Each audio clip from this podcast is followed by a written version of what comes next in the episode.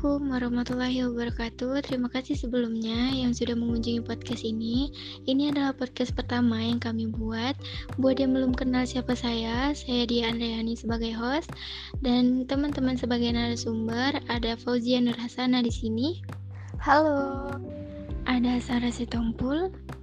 Halo. Dan juga ada Suci Ramadhani. Halo dia.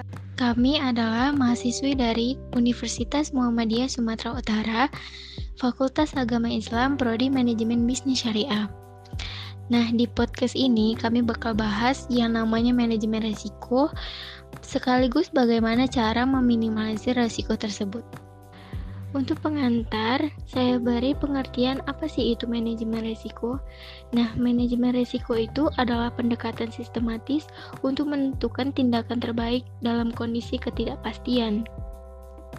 Nah, untuk lebih lanjutnya, langsung aja yuk kita bergabung dengan narasumber kita. Menurut kalian, apa sih risiko itu? Baik, menurut saya risiko adalah bahaya akibat atau konsekuensi yang dapat terjadi akibat sebuah proses yang sedang berlangsung atau kejadian mendatang dan suatu keadaan ketidakpastian yang dapat menimbulkan suatu kerugian. Oke, jadi intinya resiko itu adalah bahaya, bahaya yang menimbulkan kerugian. Ya kan? Di setiap apa pun yang kita lakukan itu pasti menimbulkan resiko, baik itu kecil ataupun besar. Nah, bagaimana sih cara atau langkah-langkah mengidentifikasi resiko itu? Proses identifikasi risiko dimulai dengan mengumpulkan peristiwa-peristiwa yang dapat menimbulkan risiko. Pada umumnya, sebagian besar proses identifikasi risiko dimulai dengan mempelajari isu-isu dan hal-hal yang menjadi perhatian.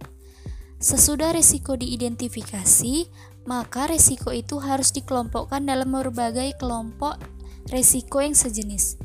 Pengelompokan risiko ini bertujuan untuk mencegah terjadinya pengulangan dan membantu manajemen dalam proses menganalisa risiko. Selanjutnya yaitu pembentukan tim.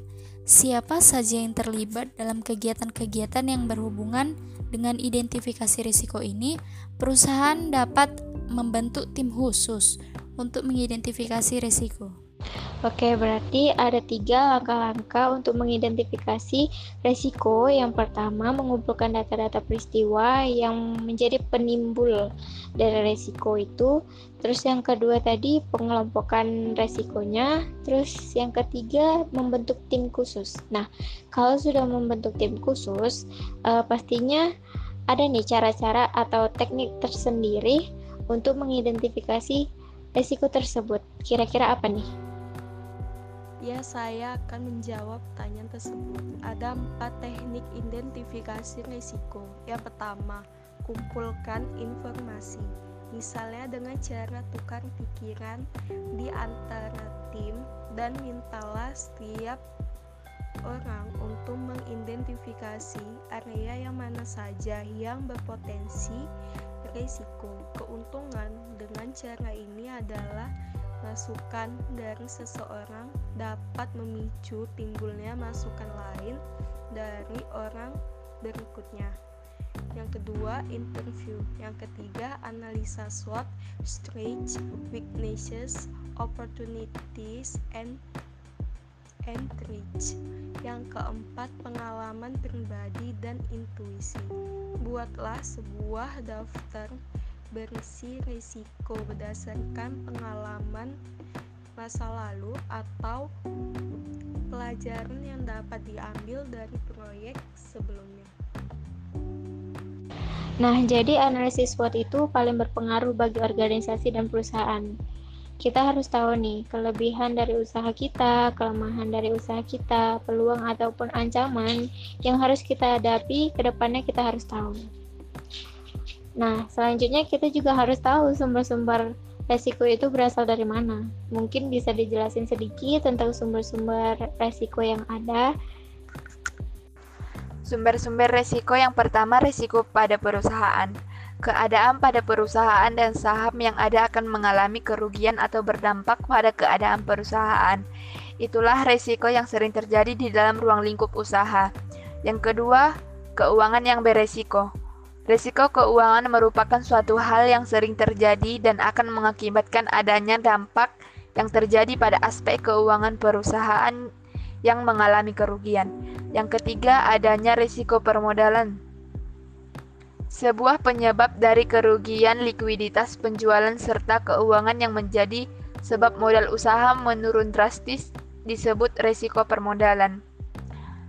Yang keempat, risiko terjadi pada pasar adanya hal yang sering terjadi karena adanya persaingan pada usaha dengan gaya hidup para konsumen.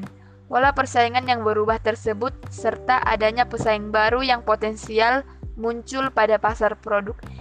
Itulah yang disebut risiko pasar. Yang kelima dan yang terakhir risiko operasional. Risiko operasional adalah suatu hal yang terjadi karena adanya hasil prediksi yang menyimpang Masalah tersebut terjadi karena kurang sempurnanya suatu keputusan yang ditetapkan, adanya SDM, pengaruh teknologi, dan terjadinya perubahan pada sistem inovasi serta mutu sebuah produk. Menurut kalian nih, sebagai mahasiswa manajemen, apa aja sih hal-hal yang dilakukan oleh manajer untuk meminimalisir resiko yang ada di perusahaannya? Oke, ada beberapa hal yang dapat dilakukan oleh seorang manajer untuk meminimalisir resiko dalam perusahaan. Yang pertama yaitu mengetahui kemungkinan-kemungkinan terjadinya suatu kerugian dan harus berhati-hati atas kemungkinan timbulnya setiap kerugian tersebut. Hal ini merupakan tugas utama seorang manajer resiko. Yang kedua, memperkirakan besar kecilnya resiko sehingga dapat diperkirakan kemungkinan kerugian maksimum dari resiko yang berasal dari berbagai sumber tadi. Selanjutnya yaitu memutuskan pemakaian metode pengolahan resiko yang terbaik dan yang paling efektif.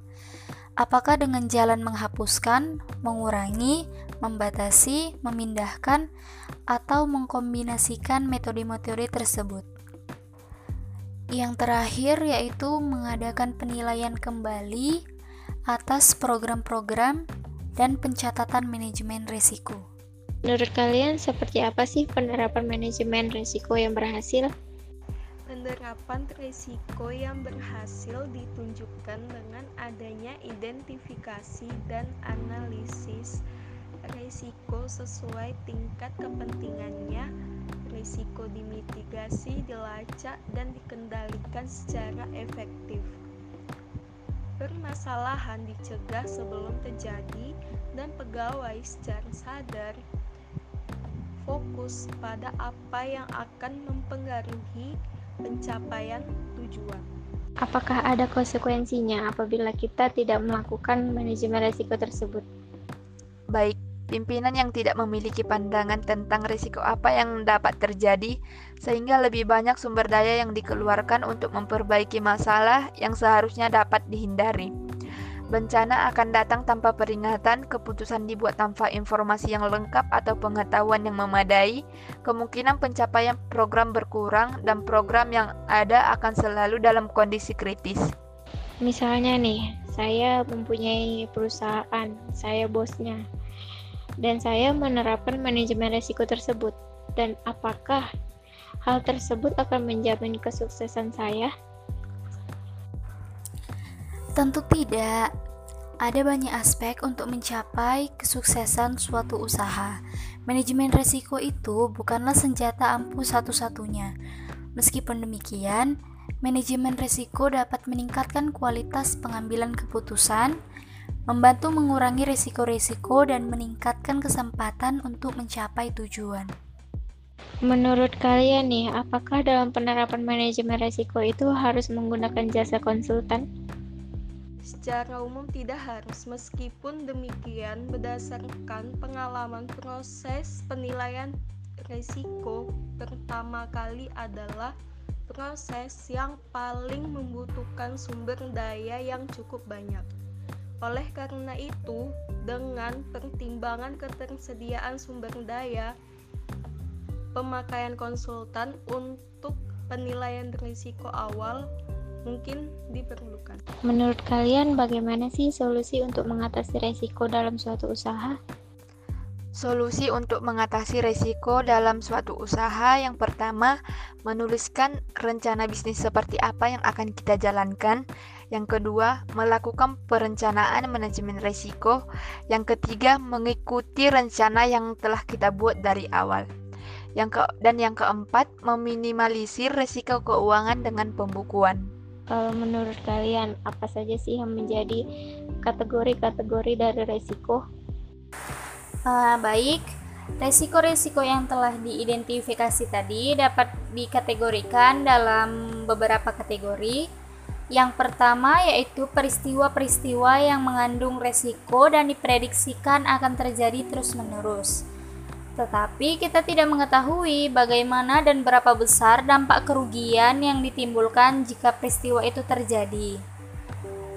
Yang kedua yaitu peristiwa-peristiwa yang mengandung resiko tetapi jarang terjadi dan kita berusaha melakukan tindakan untuk menghindari kerugian akibat peristiwa-peristiwa itu. Yang ketiga yaitu peristiwa-peristiwa yang mengandung resiko yang terjadi di dalam internal bisnis. Contohnya, eh, perusahaan yang tidak realistis, manajemen yang tidak kompeten, minimnya kepemimpinan manajemen, ataupun sistem komunikasi yang tidak berjalan baik di dalam perusahaan. Selanjutnya yaitu peristiwa-peristiwa yang mengandung resiko yang bersifat teknis. Bekerja dalam kondisi yang tidak aman dapat menyebabkan kecelakaan, tingkat keamanan kerja yang tidak sesuai standar, dan lain-lain. Coba kalian beri contoh di Indonesia bagaimana perusahaan gagal mengelola resiko sehingga mengakibatkan kerugian yang signifikan. Pada tahun 1945, Bank Duta Indonesia mengalami kerugian yang sangat besar karena mereka melakukan perdagangan falas dan mengalami kerugian besar dari perdagangan falas tersebut. Itu saja yang bisa kami sampaikan dalam podcast ini. Lebih dan kurangnya kami mohon maaf. Saya Dia. Saya Fauzia. Saya Suci.